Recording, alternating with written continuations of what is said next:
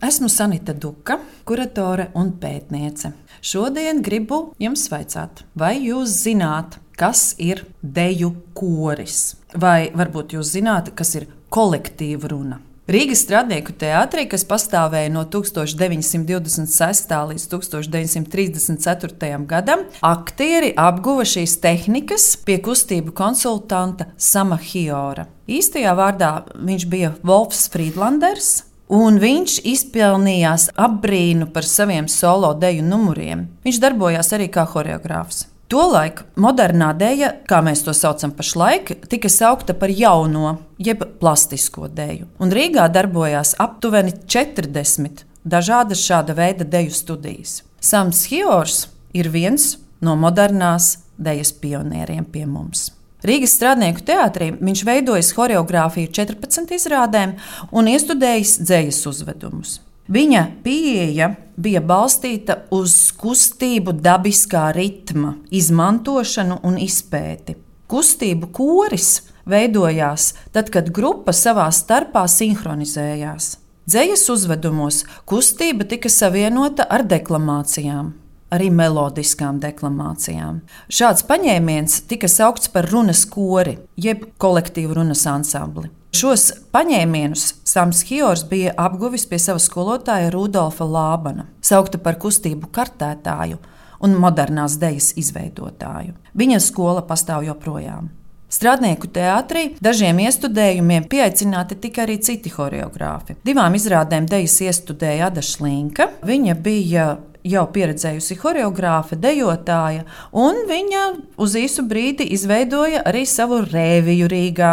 Vienai no operetēm choreogrāfs bija baleta trupas dejotājs un baltmeistars Ežens Leščevskis.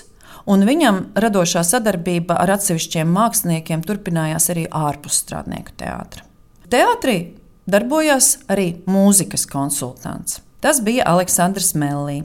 Tajā laikā muzikāli iestudējumi bija ļoti pieprasīti. Strādnieku teātris iestudēja muzikālas izrādes, dziesmu spēles, operetēm, pārveidoja sižetus.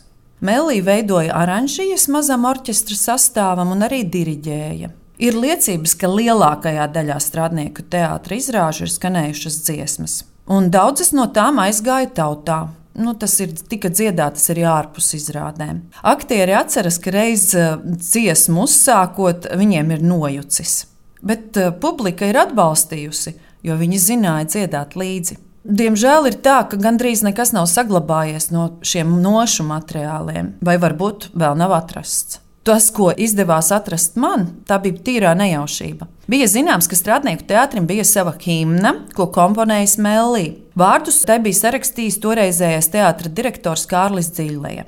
Un tā skaitījās gājusi zudībā, bet es to atradu vienā no teātras programmiņām. Vienkārši maza salocīta lapiņa ar notīm un visiem vārdiem. Un tā izrādījās šī oficiālā, īpaši teātrim komponētā himna. Bet bija arī neoficiālā himna. To aktieri paši bija pārņēmuši no Lugas riņķa kvadratūra iestudējuma. Šajās izrādēs tika izmantota jau zināma melodija, un vārdus bija piedzējojis jaunais literāts Arvīts Grigulis. Tie vārdi bija apmēram tādi. Pirms daudziem gadiem, kad Šekspīrs dzīvoja, aktieri spēlēja teātri pusbadā.